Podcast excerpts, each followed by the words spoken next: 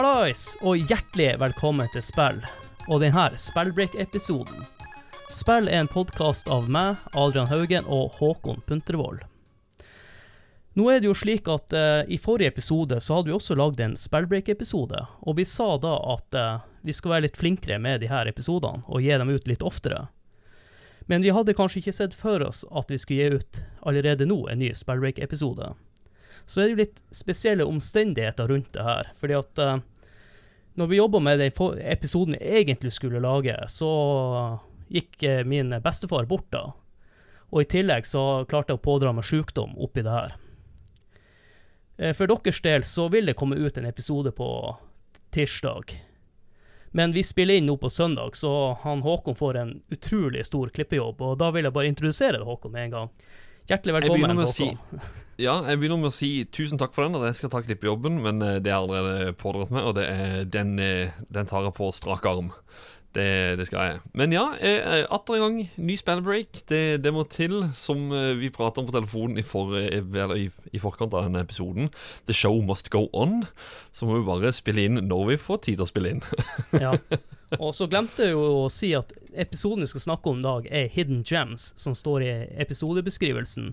Men det Yes. som eh, står litt lenger ned, for de som ikke orker å lese episodebeskrivelsen, så skal vi snakke om Hidden Gems til eh, Super Nintendo. Ja, for at det kommer Tittelen står her 'Hidden Gems', hashtag 1. Det vil da si dette her er nummer én ut av flere episoder som vi kommer til å snakke om litt sånn skjulte perler i ymse slag. Så i dag skal vi snakke om Super Nintendo Hidden Gems. Er du usikker på hva en hidden gem er, så er det jo en skjult perle på godt norsk. Der eh, ja, det er spill som kanskje er litt glemt eller ikke blitt oppdaga i ung alder, og så bare plutselig nå i voksen alder, der spillet er mye mer tilgjengelig, så er det bare boff, kommer frem i lyset. Men vi er jo som alltid aldri uh, alene. Eller nesten alltid. Vi har med oss en, eh, det jeg vil kalle en meget dedikert retrospillstreamer, som har gått gjennom over 130 spill, som til sammen har tatt han over 700 timer å gå gjennom. Han har tidligere vært med i episoden for å snakke om speedrunning, og han bærer kallenavnet Sha. Så hjertelig velkommen tilbake, Andreas Bernhardsen. Tusen takk. tusen takk Artig å være tilbake. Ja, det er en glede å ha deg her. I hvert fall å snakke om, eh, om eh, Super Nintendo, som var kanskje min favorittkonsoll når jeg var liten. Det er vel en av mine, kanskje tør å si, selv om at jeg savner på Nes, så vil jeg kalle det faktisk min all time favorite, tror jeg. Ja. Snes har så latterlig bra bibliotek, altså. Vi har jo snakka om det, at uh, Super Nintendoen er jo min og din favorittkonsoll, Håkon, og da passer det jo veldig bra å få med han Andreas også på denne episoden. Ja, som jeg sa, 130 spill har han streama, over 700 timer har det tatt. Det er liksom Du har spilt en del, så jeg tror, jeg tror du har noen skjulte snesperler på, eh, på innerlomma da, ja. Ja, nå, er jo, nå er det jo veldig få av de spillene som har vært Super Nintendo-spill, men vi, vi oh, ja! ja! Du hadde jo eh, Ja, det, ja nei, nei, jeg skal ikke spoile. Ja, Jeg tror kanskje det er seks stykker som var Super Nintendo, resten har vært veldig mye Nes og, og en del N64. Men eh, ja, jeg er fortsatt veldig glad i Super Nintendo, så det gjør ikke noe, det. Jeg, vet jo i hvert fall at den dagen vi skal lage en episode om spill man skal unngå, så er du en veldig bra gjest, for du har vel spilt mye drit også i løpet av de Ja, 700 og det er, jo takk, det er jo takket være folk jeg er blitt kjent med gjennom spillcommunityet, som er og foreslår de her skitspillene og, og, og koser seg når jeg har det fælt. Så det er jo Kan du, kan du si det til folk at det twitch.tv slash sja med tre a-er. Jeg kan legge en link til dette her når vi publiserer episoden. Det er streamen hans og så er det når han er ferdig med et spill, så er det en raffle som skjer. Og da går det en sånn her eh, eh, ja, trekning på hvem som får til å velge spill eller kategori. Før så kunne vi velge hvilket som helst spill. Det var en Nå tabbe. det Det var en tabbe, skjønner du. Ja, Andreas han har blitt smartere nå med, med tida, i hvert fall. Ja, jeg har jo Ja. lært. Det er, hvis, Så nå er det kategorier og spill under kategoriene. Så det, er- det, det er mye bra. Mye gøy å se på. God underholdning. Men nå er det jo sånn at uh, vi skal jo dra frem noen hidden gems, som du sa, Håkon, og du kan jo få lov til å starte, da. Skal jeg få, til å, få det o store gleden av å starte? Ja. Uh, vi skal over til eh, Sunsoft eh, året 1994. Selvfølgelig da på Super Nintendo. Det er da til et ekorn som heter Zero. The Kamikaze Squirrel. Det her er et spill som du kan anse som en spirituell oppfølger til det fantastiske plattformspillet Eller jeg vet, kanskje jeg lyver nå. Jeg vet ikke om det er fantastisk, for jeg har ikke spilt det. Men Aero the Acrobat 2. Jeg har spilt det første. Toeren har jeg ikke spilt.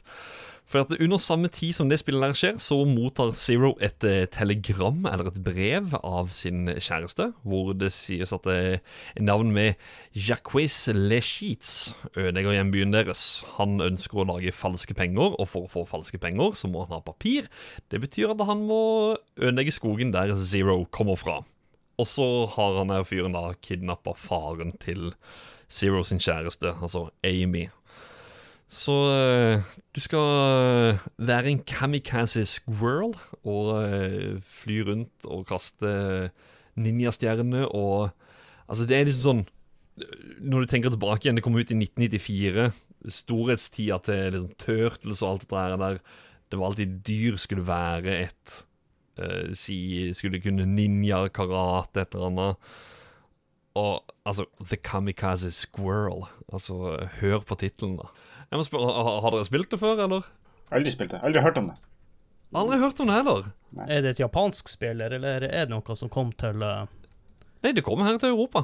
Det, jeg kjøpte det faktisk på Retrospillmessa. Uh, da sto jeg sammen med tidligere gjest fra podkasten, Trond Sinfor Borgersen. Da sto vi og så i en boks, og så sier jeg 'dette her så fett ut', og han bare 'å, oh, shit'.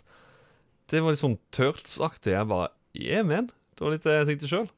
Så eh, da måtte jeg kaste seg 200 kronene på eh, mannen bak den eh, standen der, eller den salgsboden. Si det er mitt. Og så har jeg funnet ut av nå i senere tid at det, det, det er faktisk blitt et dyrt spill. Det er i hvert fall komplett i eske. Men Så skal du kaste noen tusenlapper. jeg skjønner jo godt at um, det koster masse penger, for jeg mener jeg så det her spillet på videoverden til utleie. Ja, Og det, er noe med det coveret der som ikke fenga meg på den tida, da jeg var sånn 10-11 år. Det så litt for- barnslig ut. Ja, kanskje at du ikke ser bowstaffen og sverdene og nunchakoer og altså, Jeg er ninjastjerne, og så Ja. er det et ekorn. Det er fett. Og så må man ikke glemme at eh, i gamle dager så handla alt om boksart og de tre bildene bak på eska, og hvis ikke de innfridde, så ble det ikke lånt. Så man har vel gått glipp av ganske mange gode spill på grunn av det, da. Ja, og så som jeg sa, spillet kommer ut av Sunsoft, og jeg vil jo si Sunsofts storhetstid var jo på Nesen. Ja. De tapte seg egentlig veldig mye på Snes, og jeg skal si Det er ikke Altså Det er ikke Mr. Gimmick, Journey to Celius som er på Nes. Det er ikke det nivået der. Det er OK, men jeg vil si det er en skjult perle. Det er blant gode spill som en kanskje ikke oppdaga som kid. Men jeg ser jo på det spillet her nå at det er jo veldig bra grafikk. Ja, og så blir det? Litt sånn litt tegnefilmaktig. Ikke rene 16-bit sprites. Nei. Så ja, det er kule, bitte små cutscenes, mye grafikk på. Uh, ja. Et, et spill jeg vil anbefale å trekke frem blant, blant min lille bunke her i dag. Men eh, å få folk til å kjøpe det eh, fysisk kopi, det er jo ikke akkurat en god anbefaling da, når det koster skjorta. Nei, men det finnes jo alltids måter å, eh, å, å spille det på. Jeg skal, jeg skal ikke si hvilke, men det finnes jo muligheter. Det er, opp, det er opp til dere å finne ut de mulighetene. dere, det, hvis dere er nysgjerrige, så selvfølgelig ta kontakt, og så kan vi alltid se om jeg kan låne det bort til deg, eller kan du komme her, og så tar vi en lørdagskveld med noe, noe øl og Zero the Kamikaze Squirrel. Har du lyst til å dra fram noen eh, flere spill, eller skal vi hoppe over til Andreas i mellomtida? Ja, jeg tenkte Andreas, kan ikke han ta og være nestemann her? Ja. Eh, Da kan jeg ta, ta frem en av mine favorittspill fra da jeg var liten, som jeg spilte veldig mye med, med kompis. Vi spilte det veldig mye co-op, og det er artig alene også. Det er Super Smash TV. Eh, Det, Oh, ja, det er du, du er i et slags gameshow uh, om å ikke dø, uh, er liksom greia. Uh, du, det er en slags twin stick shooter før du hadde sticks, så du bruker D-pad eh, til å bevege deg, så bruker du de fire knappene for å skyte i de fire forskjellige eh, retningene. Uh, og det funker veldig bra. Uh, det kom ut, også ut på Nes, da kunne man faktisk bruke to kontrollere, så du hadde én D-pad i hver hånd. eh, for å kunne skyte i, i eh, fire Herregud. retninger der. Eller det er åtte retninger, for du kan jo trykke to knapper samtidig. Det må jo se helt mongo ut hvis en kompis kommer og sitter med to kontroller i hver neve. Da må jo Jeg hadde i hvert fall lurt på om du hadde et stort problem. Tenk, Eller. tenk å komme ned på, på lekebutikken der, og så sier du jeg skal ha en ekstra kontroll. Ja, skal du spille toplayerspill i liksom, Skal du spille Mario? Nei, jeg skal spille Smash TV alene med to kontrollere. What's your problem, sir? Ja, hvis du ikke hadde det, så måtte du, så måtte du begynne å skyte, og så måtte du trykke inn, inn eh, ikke hva det A eller B, den knappen du ikke skyter med. Da låste du retninga, og da kunne du bevege deg mens du skøyt i annen retning. Tullete system, så, Ja, så det det hørtes ut som anbefales to kontroller. Og jeg kan jo også nevne det at, at eh, det var jo også en ting på, på Nintendo 64. For eksempel i Golden Eye så har du muligheten til å spille med to kontrollere. Da får du to analogstikker, så du kan bevege deg med én og, og, og sikte med den andre analogstikken. Så Jeg har sett på det der, Ja. vurdert å gjøre det før, men jeg jeg er redd Golden Eye det er et kapittel for seg sjøl. sånn delvis. Men Smash TV, ja. Herremann. Det, Det er nydelig. Ja, det, det er veldig artig, og det er det, det spillet jeg aldri kom særlig langt i, fordi at altså Førstebrettet Første brettet eh, Hvis du spiller på Easy, så spiller du kun første brett, og når du er ferdig med det, så er du ferdig med spillet. Og det tar ti minutter. Eh, uansett om du ikke er noe god eller ikke. Men det er kjempeartig, så du kan gjøre det om Ja. og om igjen, og det er uh, det, det gjør ikke noe. Uh, og spiller du på normal og hard, så er det flere brett, men de er skitvanskelige, så vi, vi kom aldri noe særlig langt i det.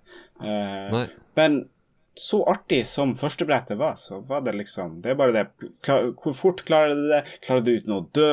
Hvor mange poeng får du? Det er liksom eh, Det er replayability i, i det første brettet. Og når du sier første brettet, for jeg har jo spilt det sjøl, og jeg syns Skal vi høre på musikken til første banen, eller eh, For den er ganske så fengende og setter seg litt på hodet.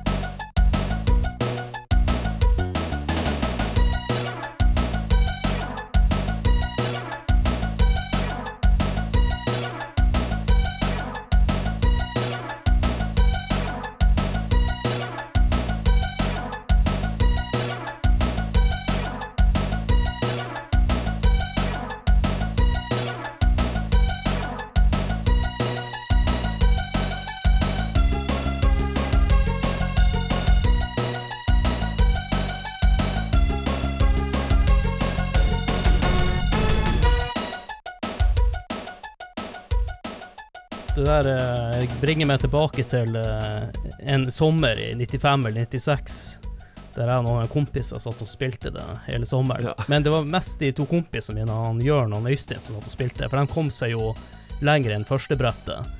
Jeg tror han også klarte andre brettet, og så begynte på tredje brettet. Ja, Eh, jeg, jeg, skulle ønske du hadde med Skulle ønske du hadde med de voice-samplingene for de, de, de er så ikoniske når han sier Ja. Eh, Go, go, go i begynnelsen, og så får du der eh, Good luck, you'll need it. Og alle der eh, de er, de er veldig, veldig eh, gjenkjennelige. Og, og, Nå er jeg litt usikker, men jeg mener jeg også trakk fram Smash TV i den- den toplayer-episoden vi lagde for noen år siden. Og da mener jeg at. Smash TV det er jo også, kommer også ut på Arkade, da. Men jeg mener eh, Hva skal jeg Inspirasjonen til det her var Arnold Schwarzenegger Han var med i en film som heter Maze Runner, eller noe sånt. Og så tror jeg han bygde på det, da. Og så er han I won't buy that for a dollar. Jeg tror jeg er henta fra Uh, Er det uh, Robocop, tror jeg. Det, ja, Robocop. Det er enten Robocop som henter det fra Smash TV, eller Smash TV som henter det fra Robocop. Det er I buy that for a dollar. Og det er jo et uh, TV-show, da. Ja. Det er jo det Smash TV er, basically. Mm. Ja, du, du, du samler jo premier og, og, og sånne ting når du finner bonusrom og sånne hemmelige Det var- hemmeligheter. Du, Så- det er Squid Game før, det var, før Squid Game var, var kult. Det. Men det som jeg kom til å tenke på ene bossen der, det var veldig creepy. Det er sånn tank er er faktisk en tank som er så sånn svær kjempebaby. En kjempebaby. Mm. Var, Ja, det er- Så i hvert fall sånn ut. Og han syntes det var Ja. creepy as fuck. Ja, for jeg husker det at jeg eh, Det er vel sånn minibosser eller noe, sånn, eller midboss eller hva det er for noe i, i spillet. Så jeg bare sånn tenkte ja, kom, liksom kom langt, og så fikk jeg game over, og så Jeg spilte det første gangen hjemme hos uh, felles venner hos Jens Olav, og uh, så sier jeg ja, kom jeg langt? Han bare langt? Du, du, du er langt ifra en kvart del av spillet, altså du Jeg bare å ja, OK, ja. Så det Jeg kommer aldri til å se langt i det, men uh, Jeg vil jo si at det her spillet er aller best på toplayer. Ja. Det er utrolig morsomt å spille sammen med en annen, og det gjør jo også spillet mye enklere. ja. Så er Andreas, eh, når du sa du slet, eh, spilte du singleplayer da, eller var det med kompis? Da var det stort sett singleplayer. Eh, vi spilte stort sett bare på easy på, på co-op, og, og så hvor fort vi klarte det, og hvor mange poeng vi klarte å få. Og om vi klarte det uten å dø. Det var liksom ja, artig, artig å nevne med poeng, for det var jo alltid sånn Ingen, ingen sa at eh, de spilte for poengene, men, men begge spilte for poengene, og så er hvem som fikk mest poeng.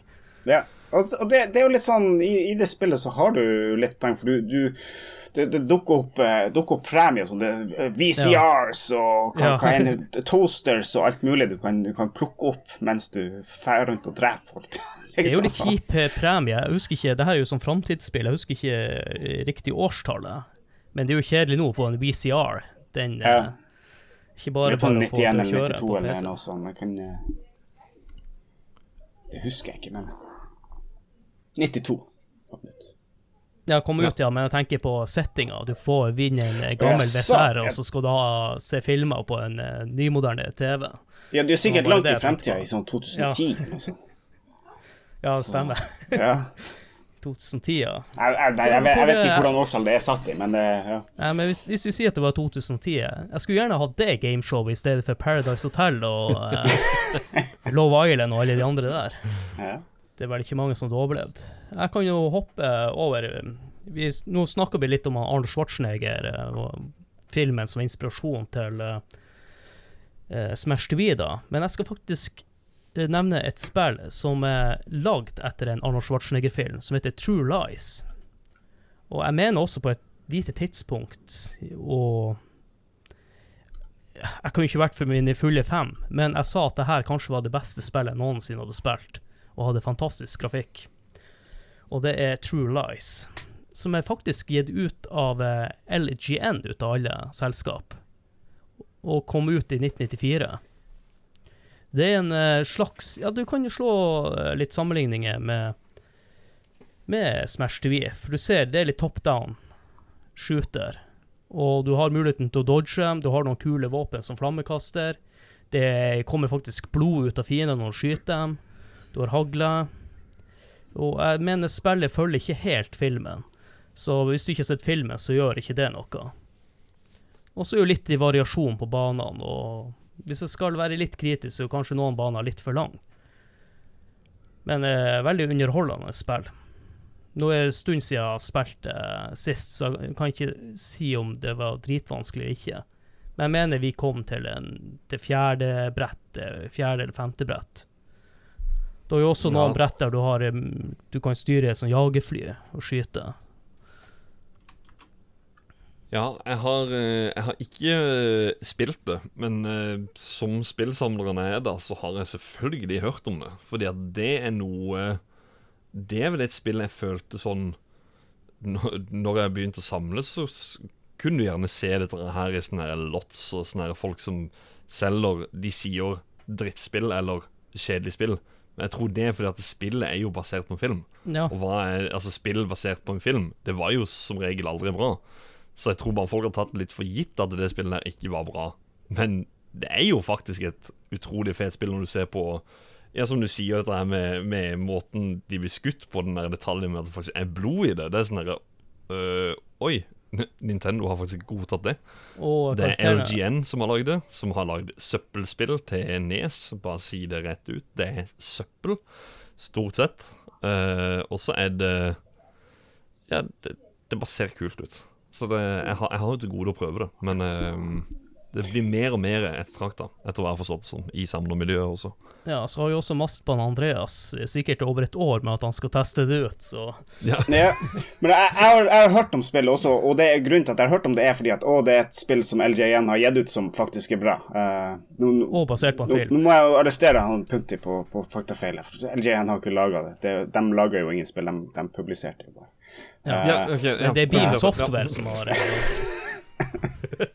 Det var Adrian som leverte den faktaen til meg. Jeg mente publisert, da. Ja. Men, eh, men det, det, er jo sånn, det er jo kjent fordi at det er veldig bra, og uh, LGN har publisert det. Så det er jo ja. Uh, men ja, jeg har ikke testa det. Jeg har hørt det skal være uh, bra. Så Ja, en du som liker Smash TV, så tror jeg det her kan uh, være spillet for deg, Andreas. Mm. Og her nå tar en kall Segway på en skateboard med en liten sånn elegant stil for å ta over til mitt neste spill. Jeg vil bare avslutte å si at eh, de som har lagd spillet, som heter Chrome Studios, eh, altså de som har lagd True Lies, de har også lagd Goofy Skateboarding, Disney-spillet. Helt magisk. Eh, veldig barnevennlig. Tony Hawk spilte, spilte det til døde. Det var fantastisk back in the days. Jeg tror ikke det har holdt seg. Men jeg vil elegant da hoppe over til UN Squadron, som er utvikla og utgitt av Capcom. Opprinnelig en arcade-shooter fra 1989, som eh, Ja, eller som de fleste arcade-shootere, eller mange arcade-shootere gjorde, kom til Super Nintendo i egen port. Dette her kom ut i 1992. Det er et eh, ja, som de fleste arcade-shootere, ikke særlig story som følger med her. Det er utrolig kul gameplay, og, eh, og det er jo på ingen måte en lett oppgave å lage en bra shooter når det er så latterlig mange av de til konsollen. I spillet da så kan du velge mellom tre karakterer som heter Shin Kazama, det er Mikey Skymon og Greg Gates. Tre karakterer som i kjent Capcom-stil. Er to første karakterene er delvis like, mens den tredje bare skiller seg totalt ut. Litt sånn som i eh, Final Fight så har du Cody og Guy, som er to relativt normale karer som kan slåss og går gjennom gatene. Og så kommer tredje karakteren, som er en president med buksesel i bar overkropp og er macho.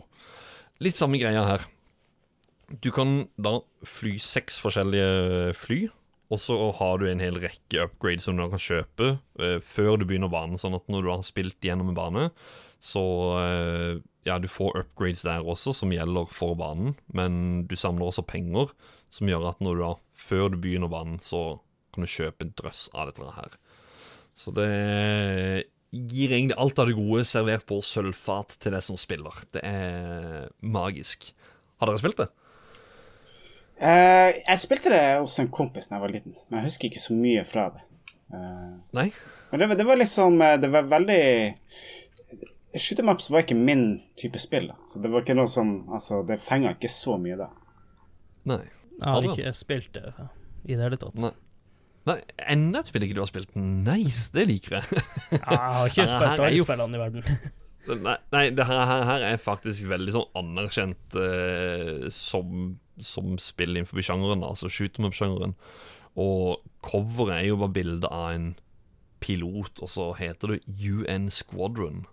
Altså, du, du skulle ikke tro at uh, Altså, når du ser på spillet, så ser det egentlig ut som en dårlig uh, skal jeg si, flight simulator til, til Super Nintendo.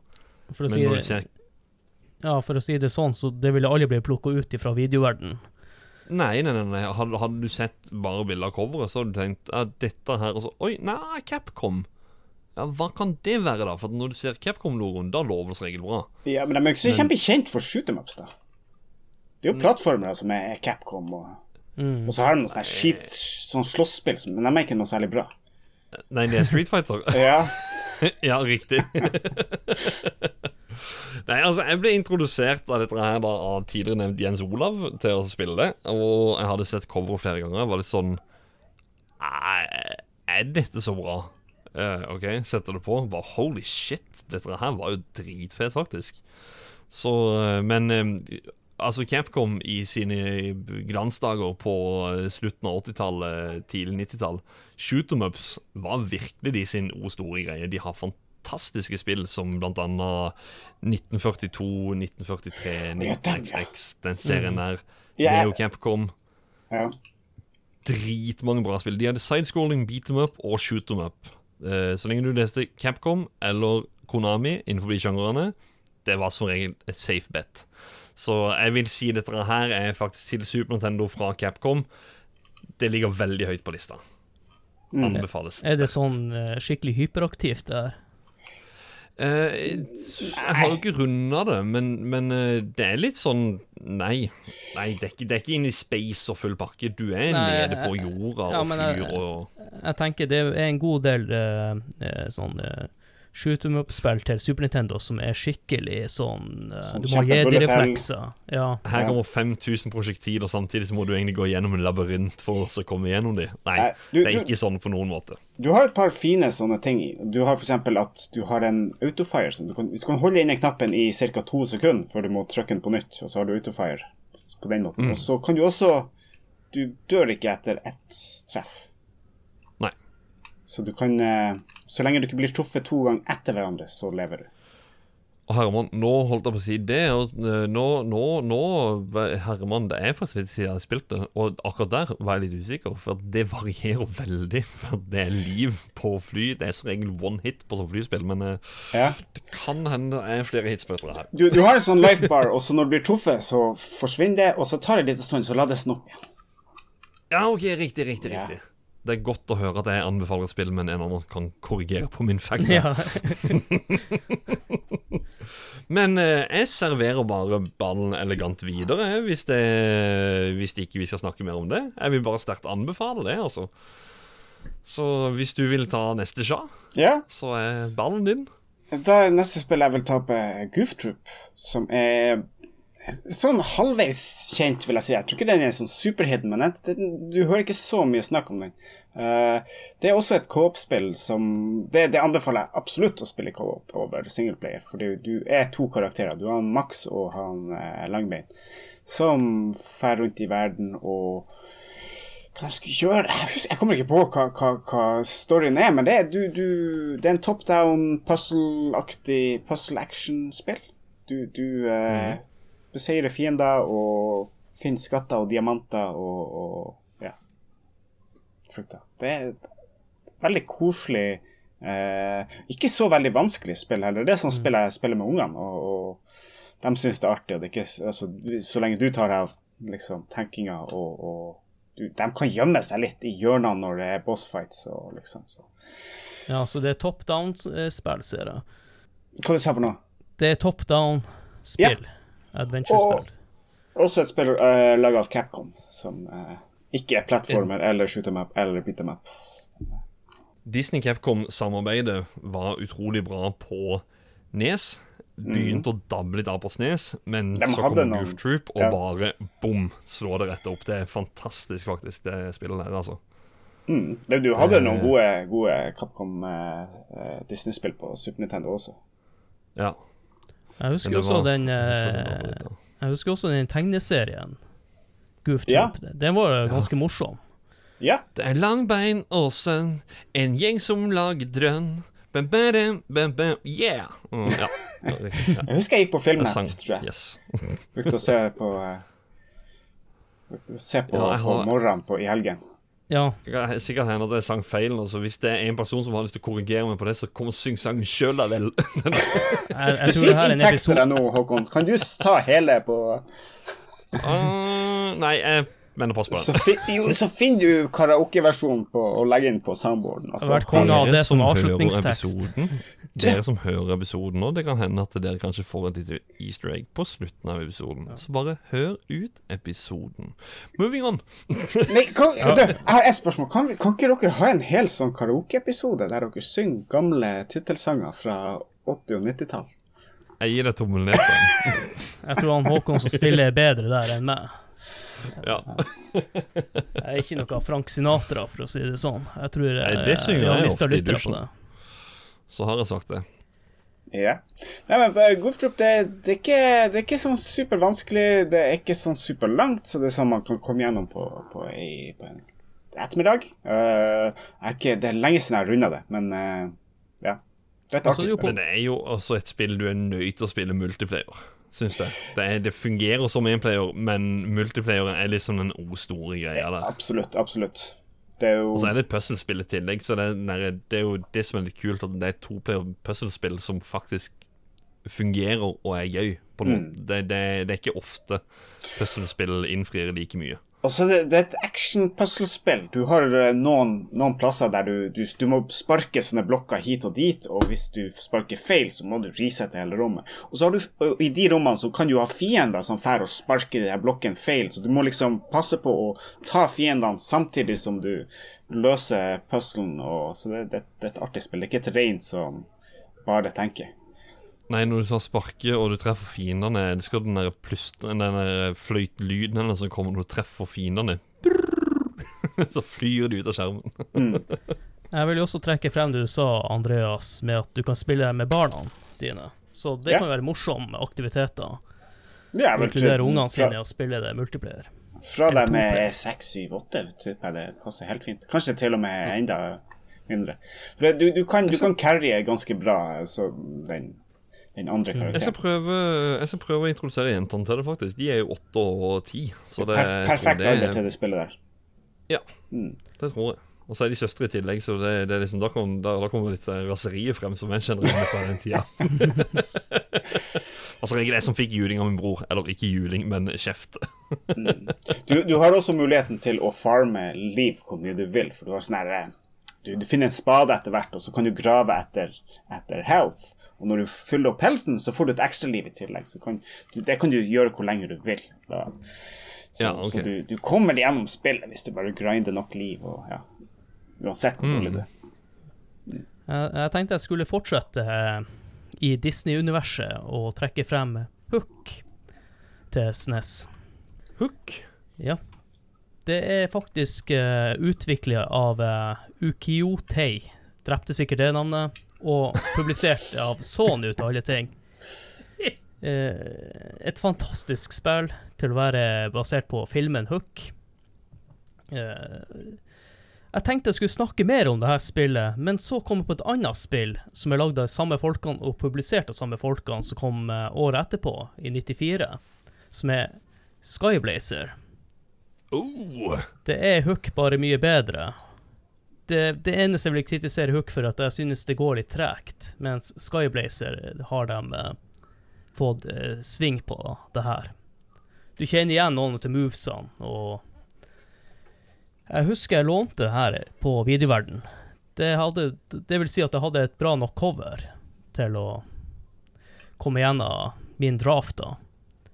Jeg husker også at jeg slet mye med spillet. Det var mye jeg ikke skjønte, for du har du, Når du skal gå mellom baner, så er det jo med sånn top down eh, map, som du kanskje kjenner fra mange RPG-er. Og så går du til en stage, og så starter den. Og banene er også veldig variert. Det er det jeg syns er et veldig stort pluss med det spillet. her. Og jeg tror det du kan, kanskje kan, tre, bare trenger å bruke en to til to og en halv time på å runde hele spillet. Og så er det en del upgrades, og du kan klatre på veggene, og kan kanskje kjøre litt sammenligning også med Megaman X på enkelte ting. Mm.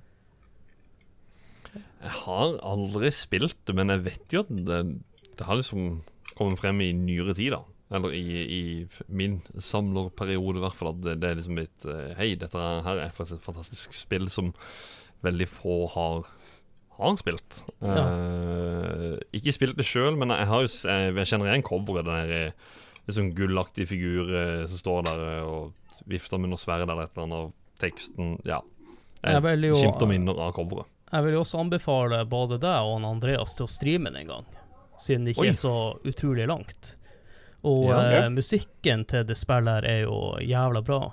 Så Håkon har lyst til å spille av et klipp fra, fra spillet. Ja, det kan jeg.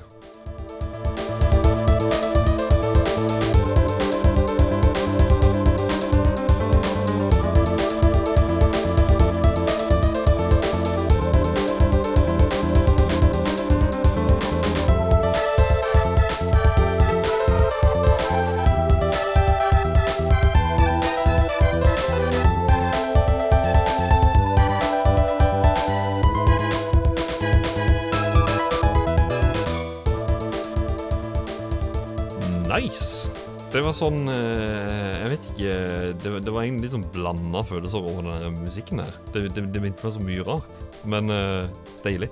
Jeg liker jo Jeg er jo veldig svak for de basstonene i- på mange SNES-spill. Mm. Bassen kommer veldig godt fram. Og så er det jo litt sånn spesiell artstil på det spillet her, med at det, det er veldig sånn Midtøsten-preg på banene og bossene. Og, Ja. og så er det god variasjon på bossene. Mm. Så jeg har ikke så mye mer å si om det enn at jeg anbefaler folk å spille det. Jeg tror ikke det er så sinnssykt utfordrende, så jeg tror folk skal klare å runde det her. Mm. Det er mye enklere enn Elden Ring, sa han Håkon og sitter og bannes over eh, akkurat nå for tida. Og sannsynligvis mye bedre også. Ikke, ikke Elden er jo tydeligvis Sånn jeg har hørt ikke så mye å skryte av. En farlig diskusjon å begi oss ut på. Ja. Men ja, skal jeg bare ta imot ballen, og eh, Er det min tur? Det er det. tar Ja, jeg tar frem eh, et spill som er utvikla av Human Entertainment, som egentlig er et i mine øyne litt skjult spillselskap. Det er et spill som heter The Firemen.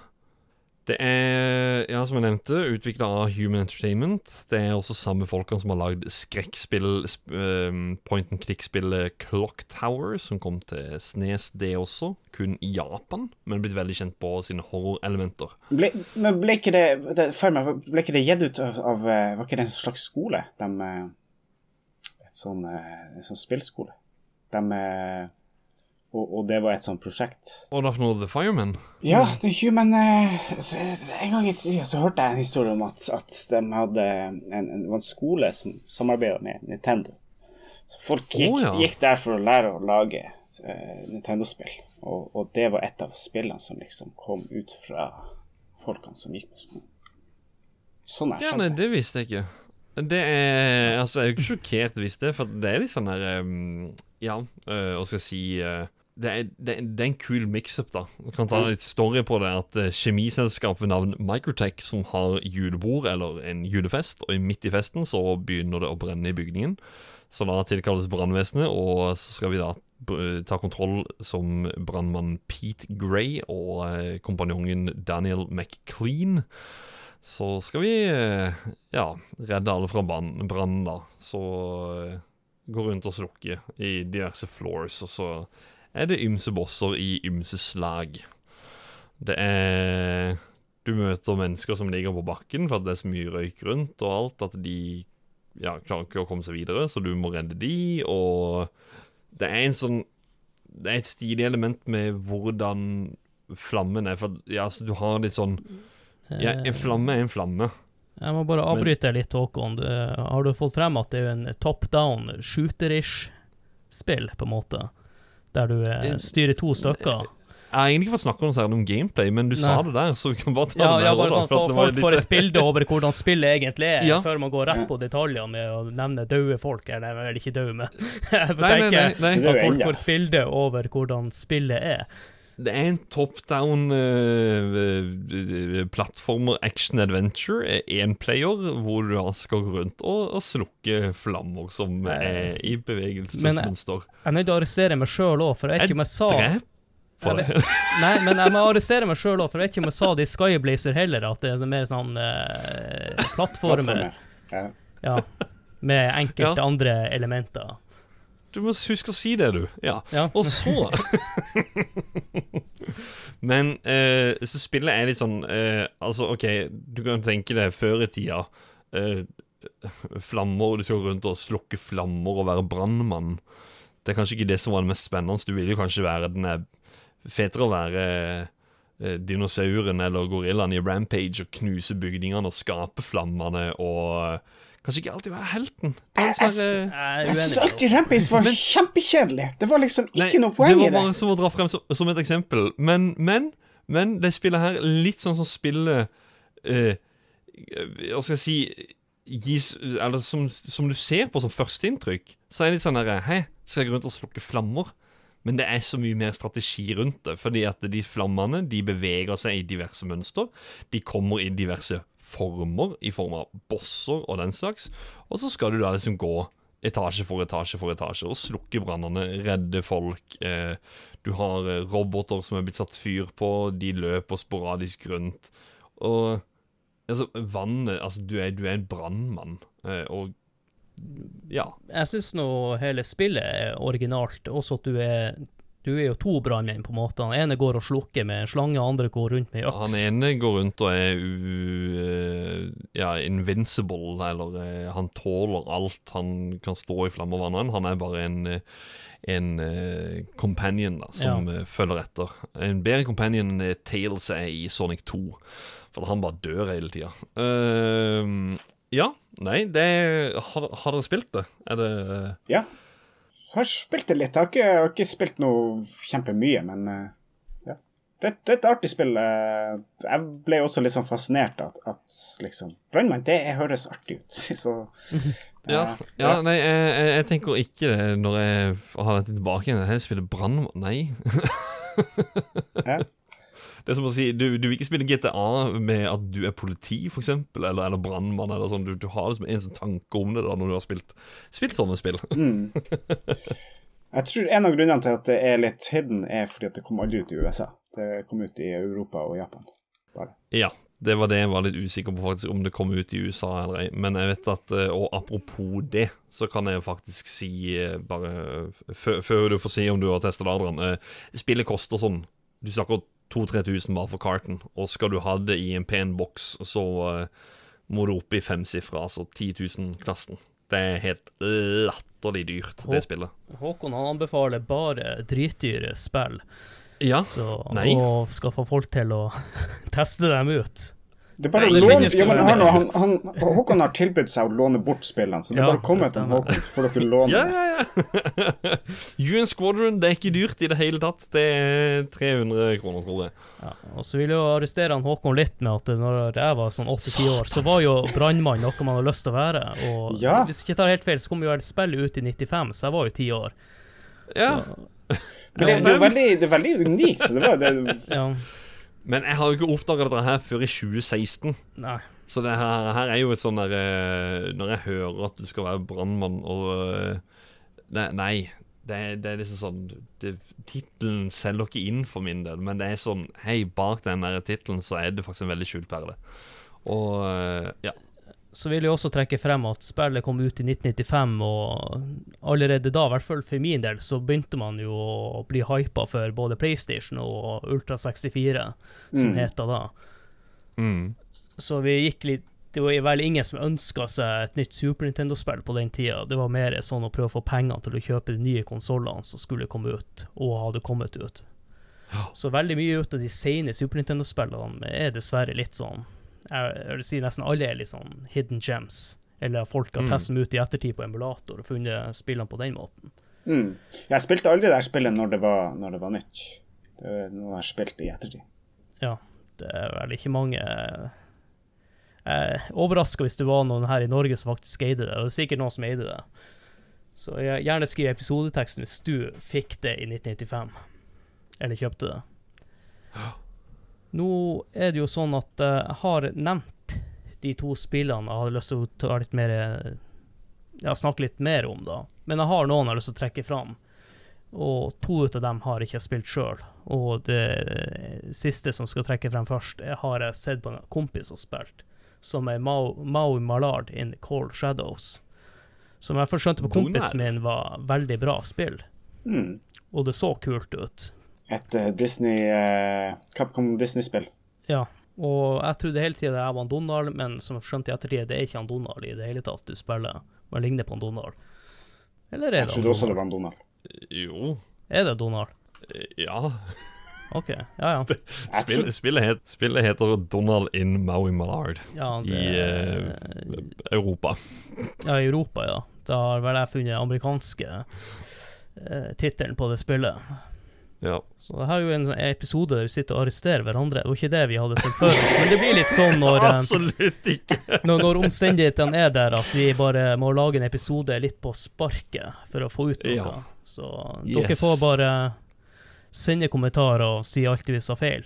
Eh, To andre Mm. spill jeg har lyst til å trekke frem. Det ene er et spill som jeg husker var jævlig mye hype om, Og jeg så det veldig mye i de Powerplayer og de spillmagasinene, og det er Syndicate.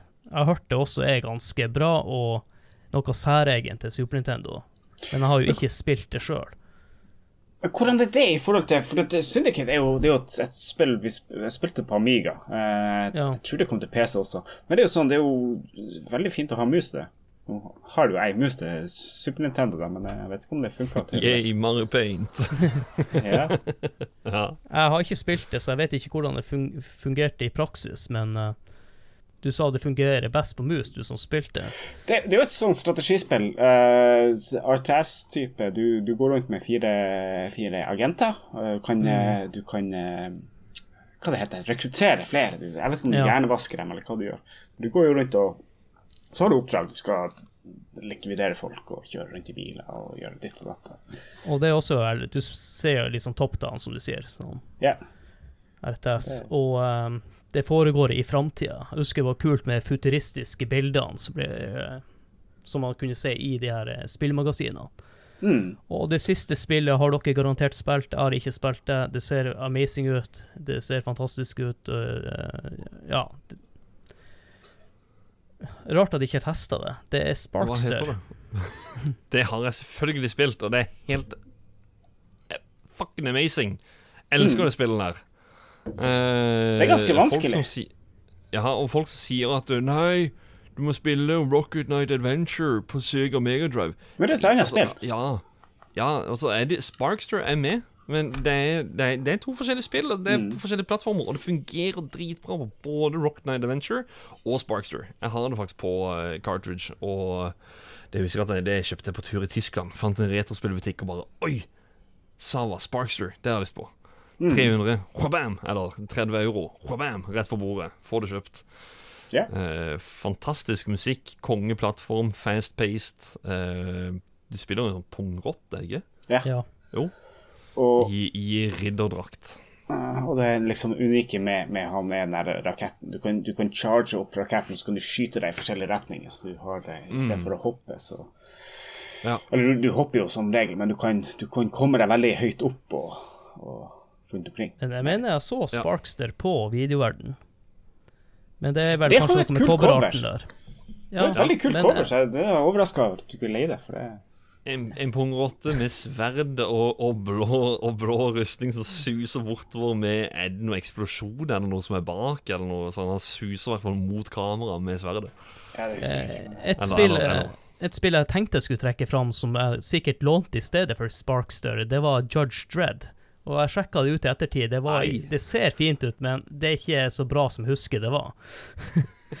så derfor har jeg tatt det ut av lista. Ja, jeg mener å huske at jeg leste om for, for jeg, lurer på om jeg tenkte det, var, det er så kult ut da jeg var liten, men så husker jeg leste om det i et eller annet blad, at det var skikkelig søppel. Så Ja, jeg tenkte det- at jeg trenger ikke å spille det. Og det er de Mm. samme folkene som også lagde Batman Forever, for eksempel, til Super Nintendo. Og Herregud. Herregud.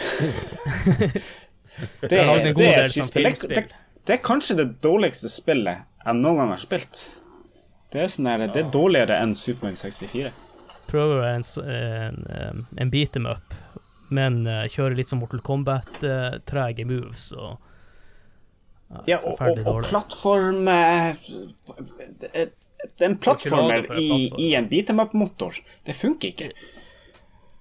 Nei, det, ja, det er tragisk. Så jeg gir meg med det tragiske spillet Judge Red og Batman Forever, som egentlig ikke skal være inn på lista i hele tatt.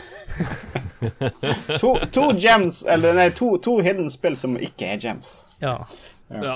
To hidden games, no Hidden, gems. hidden trash. Ja, hidden trash. -er.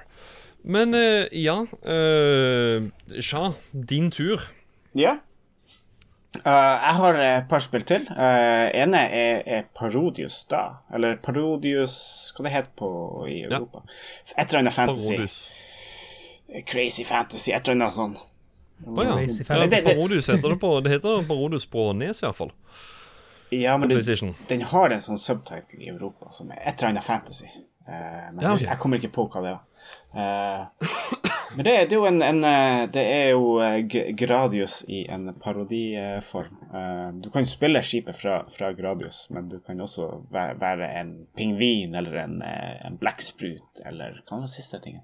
Kommer ikke på kan det være er. spaceship fra Pappen Twinbee. Ja, og du, du har også de her Mm. bjellene fra Pappen Twinbee, og du får noen uh, power-ups fra dem òg. veldig artig. Det ser jo helt spaisa ut, da. Ja, men Ja. Kategori Eller de, de kaller det for cutermap når det er sånn. For Ja. Det er veldig sånn søt grafikk og, og Nå kommer, nå kommer bossen. Det er en svær katt. Ja. Også det er en en, sånn- en båt som er med et katteansikt foran. Og, Ja, det, det, ja, det er den jeg tenkte på. og så, må du, så må du ta en, en Jeg lurer på en gris etterpå som du må skyte i navlen, for han har så svær navle. Så det er veldig mye sånn artige fylle, bosser. fylle, fylle grisens navle. Skyt nå, skyt nå.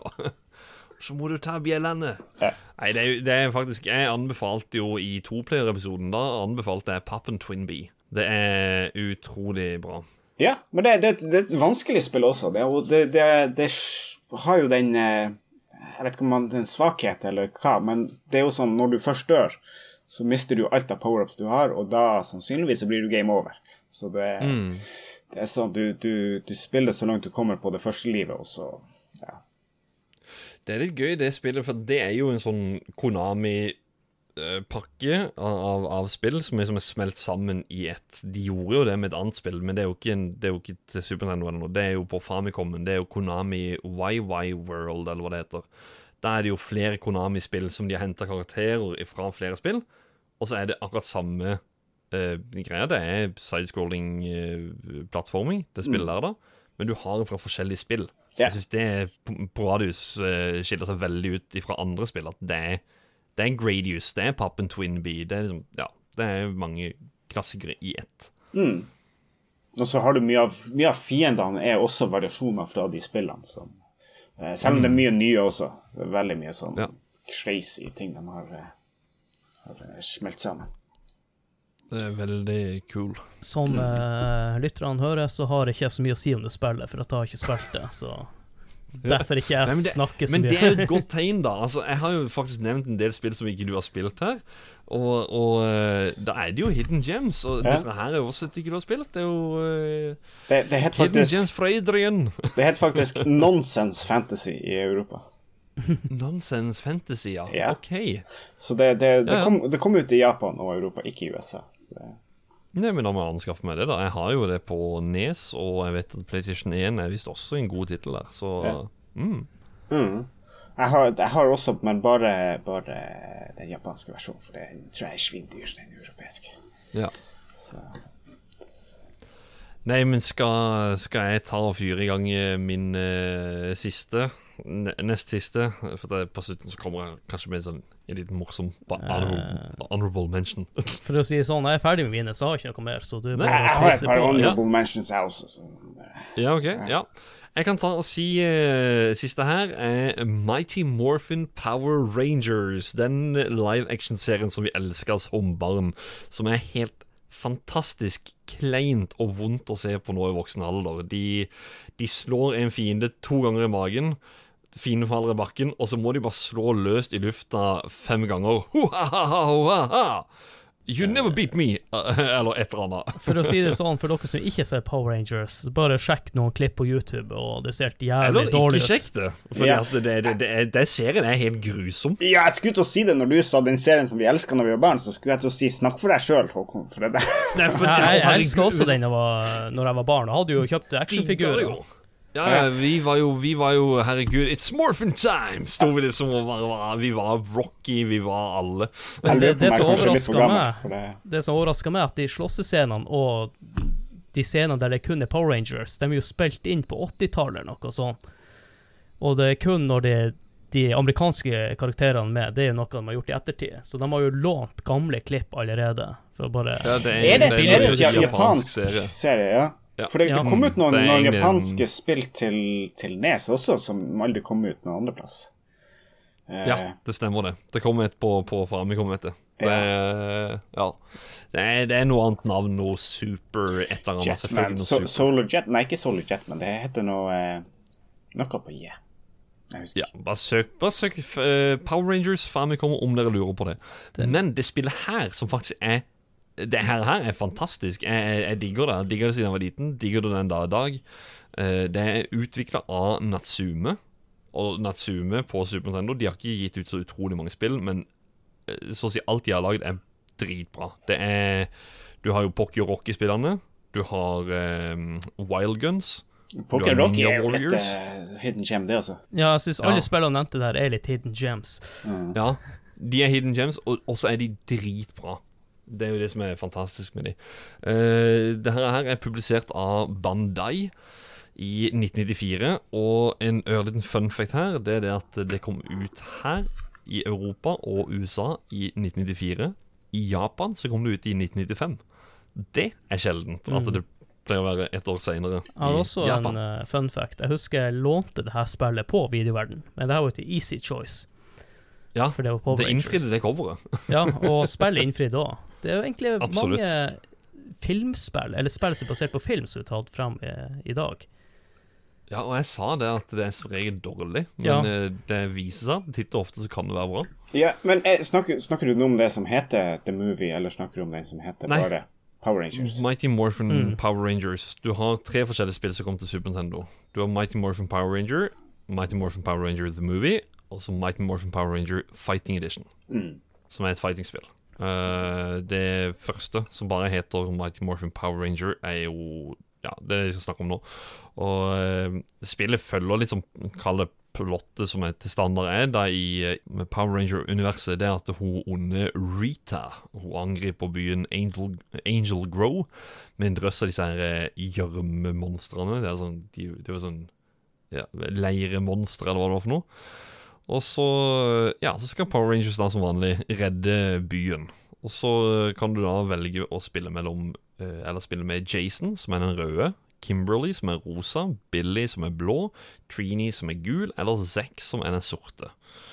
Og jeg tror ikke det er noe forskjell, sånn som jeg snakka om i Turtles-episoden og i Mario Bros 2-episoden, så er det karakterene har en variasjon. Den hopper bedre, den har mer speed.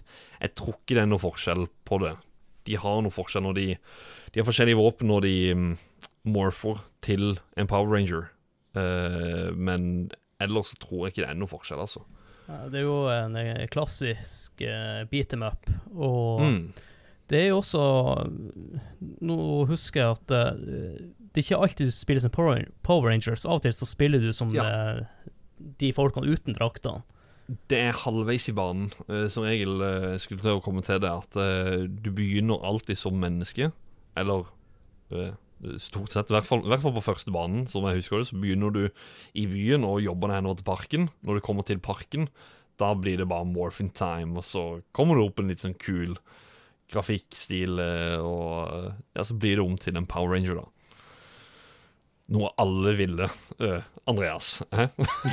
Alle ville det. Alle ville det. Jeg, jeg husker at jeg så serien så vidt, men det var sånn at jeg lurte på om jeg kanskje var begynt å bli for gammel. Ja, du var, var vel 15 da du kom ut, og da skjønner jeg godt du syns det var ræva, men jeg var jo 10 år, så det var jo, jeg var jo midt i den primen i 95. Tror Mm. Når serien begynte å komme for alvor, i hvert fall her i Norge. For Det var ikke alle i klassen min som hadde dette her. Jeg skal nevne han ved navn. eh, Erling. Han har vært lytter av podkasten, så hei, hei, Erling. Har vært Erling André. lytter. Han har fall hørt på Final Fantasy 7 Remake-episoden, vet Ja, så han hører ikke lenger på oss. Siden han Nei, jeg vet ikke. Jeg vet ikke. Vi får se om han hører på nå. Erling André, hører du på? Eh, det var han og en som heter Robert. Det var de eneste jeg kjente som hadde du Robert? Unnskyld er sikker på at han ikke het Robert. Robert, at du kanskje bare trodde at han het Robert. Robert. Robert. Robert. Robert. Robert. Nei, for mine var fra USA, faktisk, så det er Robert. Eh, Men, men eh, de var de eneste som hadde sånn Power Rangers-film, leker, spill og sånne ting. Fordi vi så det ellers bare på TV3. Jeg, må bare nevne litt om de Power Jeg får ikke lov til å fortelle ferdig. ja. Nei, Jeg må bare nevne at eh, de figurene der var crap kvalitet. Jeg hadde ganske mye uti det der, og ja. skikkelig søppel, billig plast. Ja. Men øh, vi så jo dette her på TV3 i helgene. øh, hos hverandre når vi så hos hverandre og sånt, og konge. Men øh, det var som sagt da kun Erling André og han Robert som hadde ting og tang her. Så var jeg med Erling hjemme fra skolen en gang, og da var det bare sånn super mad hype om at du kunne spille altså motherfuckings Power Ranger. Du kunne styre en Power Ranger og slåss gjennom gatene. Holy shit! Så jeg husker det øyeblikket vi slo på spillet. Så kommer jo den velkjente Den der introen der, og jeg bare sånn OK, kommer musikken nå, synger de? De synger faen meg Go Go Power Rangers i 16-bit. Det var sånn der, Holy shit! Å, så det var ikke sånn Ja, det var sånn derre. Go Go Power Rangers! det var da snakk i en kopp. Men eh, Og så starter du spillet, og da kommer denne fantastiske låta her.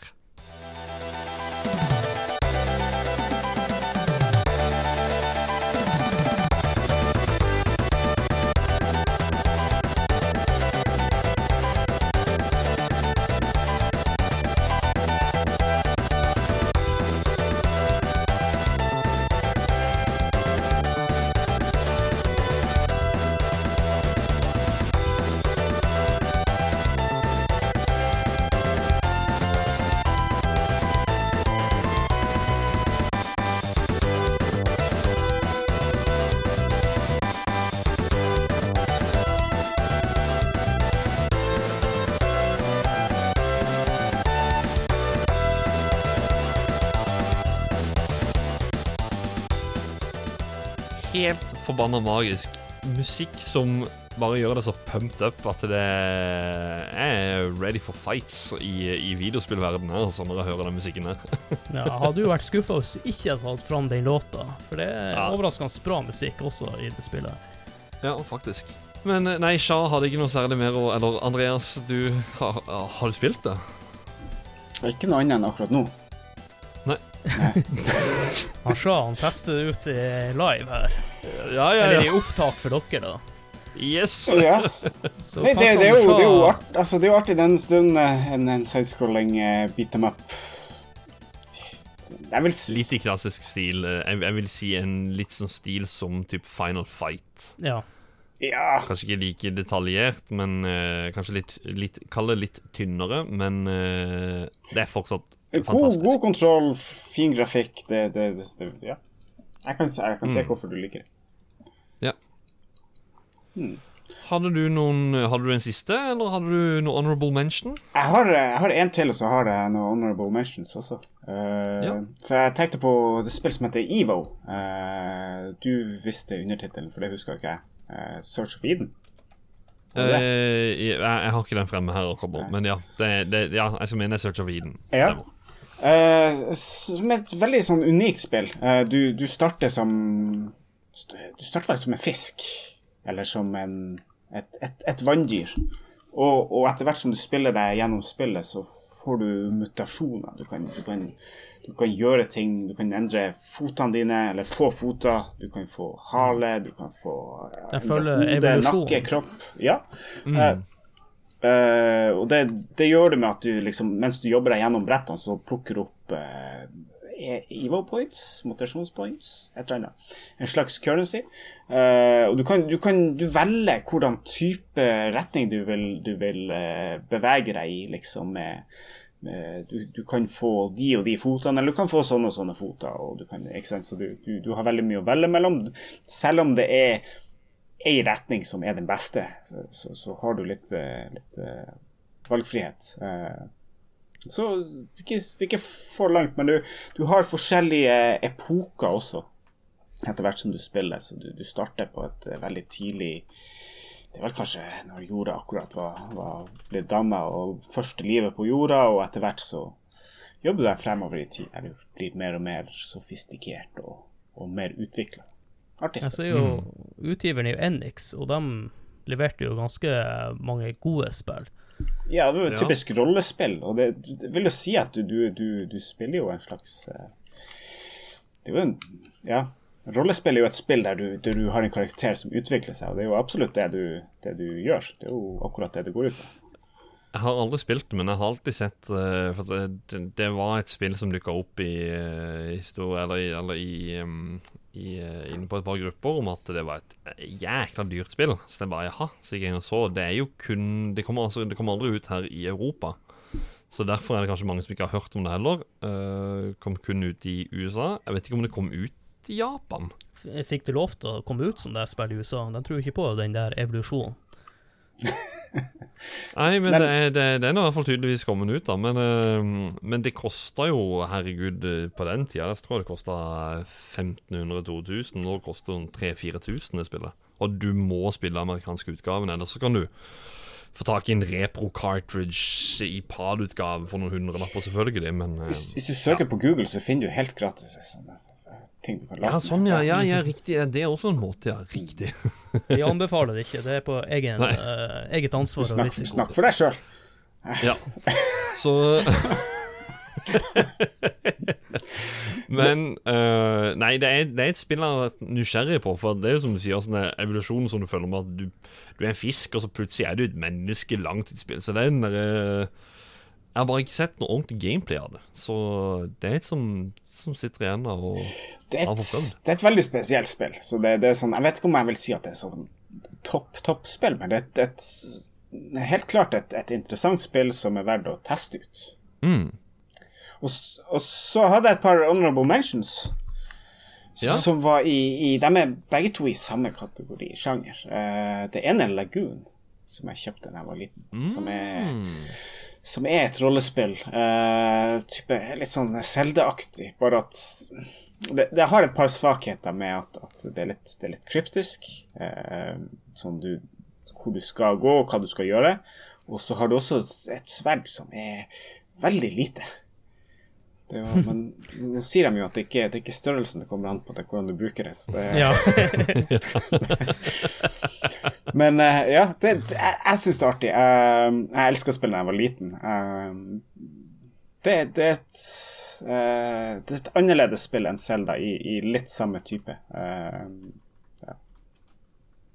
Eh. Verdt å sjekke ut. Jeg ser eh, coveret. Det hadde du ikke blitt leid av meg på video. Jeg kjøpte, jeg kjøpte spillet pga. coveret. coveret. ja. Ja! Jeg synes, det, er sånn slott som blir slukt av vann, eller hva det er som er. Ja, men det ser jo ut som at det bare Hei, her kommer jeg, jeg heter Moses. Jeg skal splitte vannet i to, og så skal jeg gå imot det store statet. Nei, men også du ser på baksida av coveret, så, så, du, du, du ser det er det er et, det er et rollespill. Typisk sånn ja, Zelda-aktig. Ja, Ja. faktisk ja, på baksida av coveret, når du ser gameplay, så, så er det greit. Men jeg- med SSI-fronten på coveret, det, det har vi som samler ikke innfridd litt engang. for det Og så heter det Lagoon. Det høres jo skitspennende ut. Lagoon, det høres ut som du skal inn på Blue Oyster Bar i Ja. skolen. Bare for å nevne den plassen Jeg syns, igjen. jeg syns jo uh, coveret ser litt sånn tvilsomt ut, for å være helt ærlig. Ja, det, det er ikke Men. Andreas var jo noen år eldre enn meg, så kan godt hende at han var litt mer moden og tenkte at det her er the, the shit. Og du traff jo med Ja. kjøpet. Gratulerer. Ja. Men det var, det var artig. Ja. Uh, det, altså det, det Igjen så er ikke det et sånn helt knallspill. Det har sine svakheter, men det er også bra nok, syns jeg. Uh, Mm. Og det andre uh, eh, honorable mention i samme sjanger er Lufia 2. som er prequel til Lufia. Uh, Lufia har fått litt pass for at det er veldig grindy. Det tror jeg toa også er.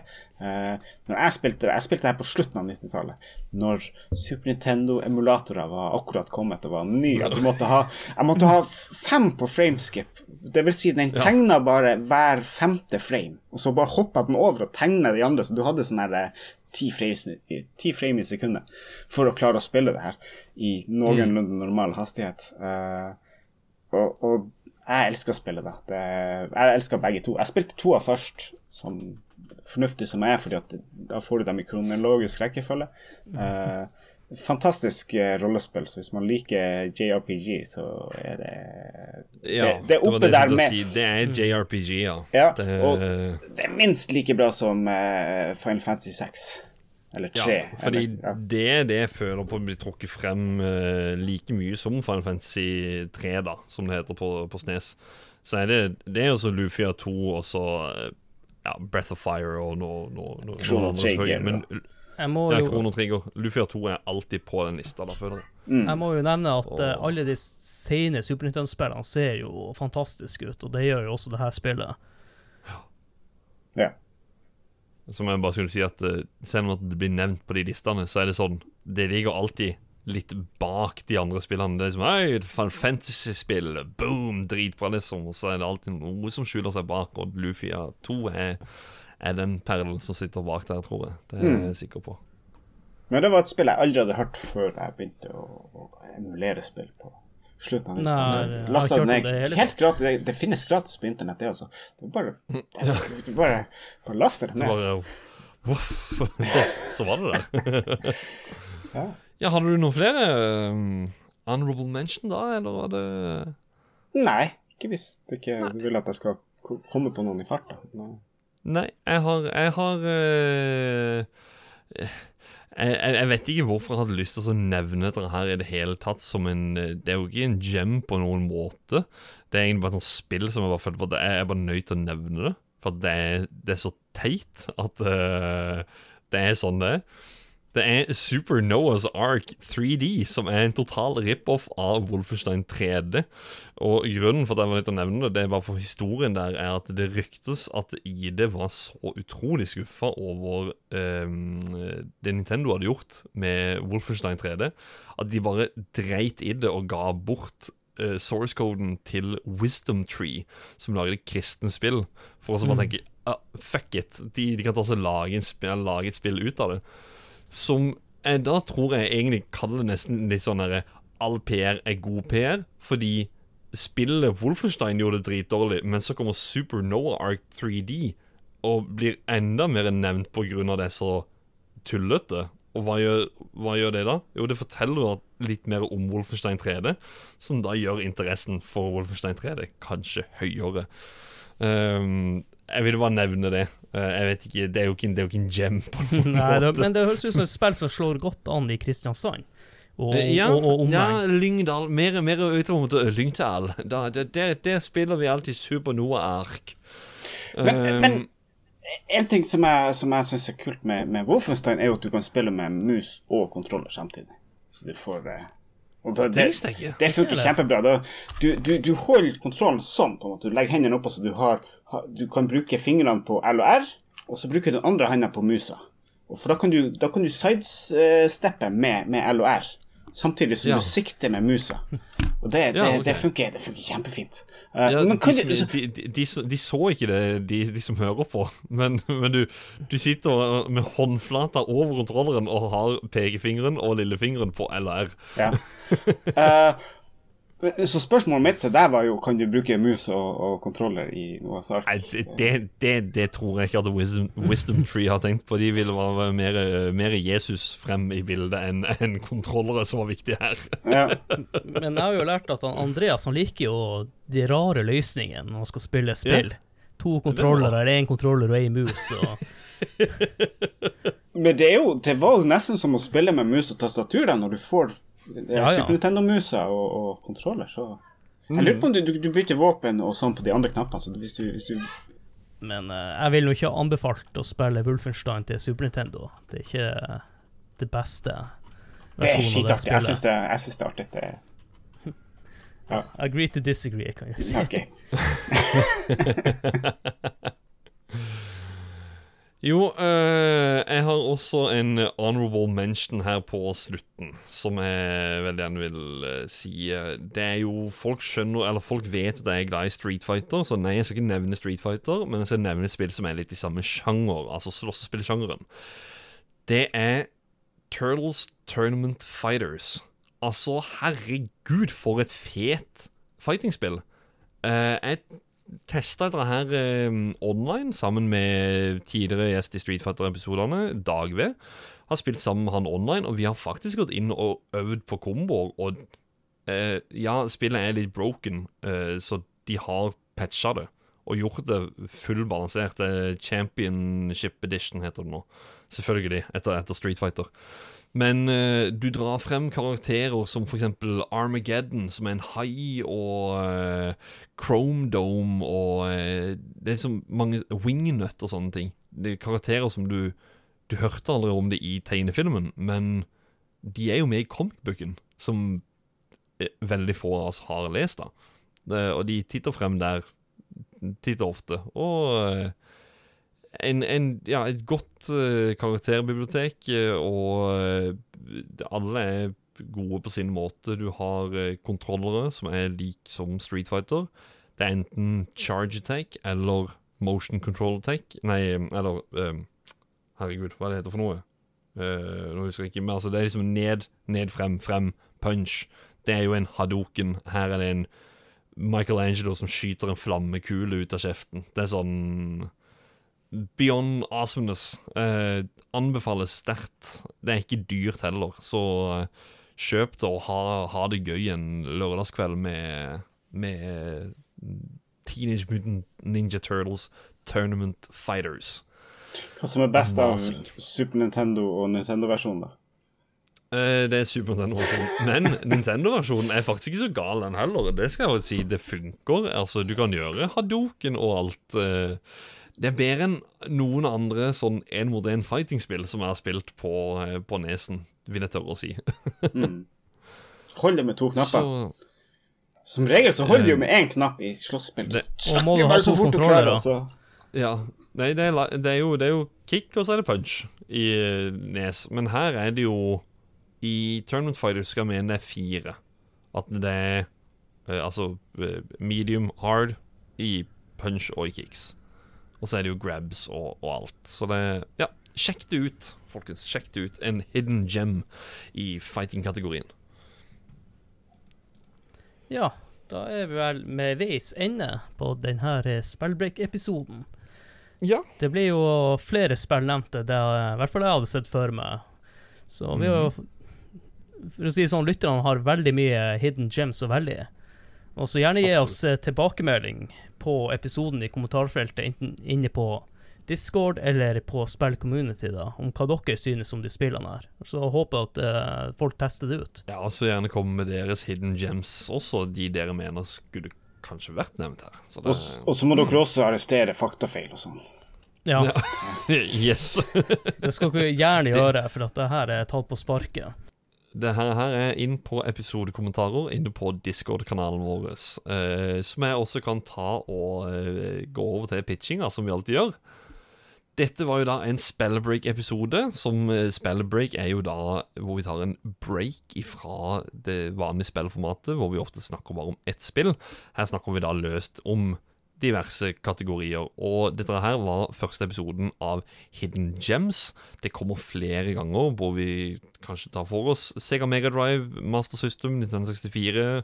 Kanskje for alt du vet Philips CDI. I don't know. Det er ikke så veldig mange gems der, men uh, vi får se. Men ellers så kan dere gå inn på vår eh, merch-shop for å finne litt deilig spell merch med sånn en kaffekopp, en T-skjorte eller genser lignende. Og så Måten på å støtte oss, det er å tipse venner eller bekjente om podkasten. Og så hvis dere popper inn på Apple Podcast eller på Spotify, så er det sånn stjernerangeringssystem. Hvis dere går inn og tar på fem stjerner, så blir vi utrolig glad for det. Og så må dere veldig gjerne joine, som tidligere nevnt, eh, Discord-communityet og spill-community på Facebook. Link til det finner dere i beskrivelsen. Og samme gjør dere til Facebook-sida, som dere kan droppe en like på. Der eh, publiserer vi egentlig bare episodene. Det er stort sett det. Og så til slutt så må vi alltid rekke ut en stor, hjertelig tusen millioner takk til Joakim Froholt eh, for å publisere episodene våre inne på spillhistorie.no. Og skriver journalistikk på høyeste nivå. Anbefaler den nettsida der. Ja. Det var det. Det var en lang pitch. Uh Alt, ja, men, men uh, informativt og greit, antar jeg. Ja. Og spillbreaket har vi også i tillegg andre tema, sånn som det vi snakker om eh, spillbutikk eh, på 90-tallet. Der vi snakker mm. litt om hvordan det var. Så ja, Det er en spillepisode, egentlig, men det er egentlig en spillbreak. Ja. Selv om det blir en spillepisode. spillbreak, der er litt mer mer fritt, da, og vi snakker om tema som har på en eller annen måte med spill å gjøre. Mm. Da gjenstår det bare for meg å si tusen takk for at du kunne være med, Andreas, på kort varsel. Bare hyggelig. Og du har jo introdusert meg for noen nye spill som jeg mest sannsynlig må teste ut på en eller annen måte. Det er gratis på internett. Ja. Og så takk til deg, Håkon. Du kommer jo også med en god del spill jeg ikke hadde hørt om før, så ja, jeg tenkte Hvis ikke du sier at jeg har kommet noe spill til deg nå, så ja, hallo, den lista, lista de er lang nå, så nå er det bare å få spilt. ja, og kanskje en gang i framtida klarer å få knødd meg til å få tak i en bedre PC, så jeg også kan begynne å streame litt. Straume disse her spillerne? Ja. Nei, det er kjempegøy. Veldig, veldig morsomt å ta for seg litt sånne eh, skjulte perler i denne her eh, fantastiske Super Nintendo-verden. Det har vært en stor glede. Og da gjenstår det bare for meg å si tusen takk for at du hørte på denne episoden. Håper dere eh, blir å høre på flere episoder i framtida. Med det så vil jeg si ha det. Ha det! Si ha det, Andreas. Altså, ha det, Andreas. Ja.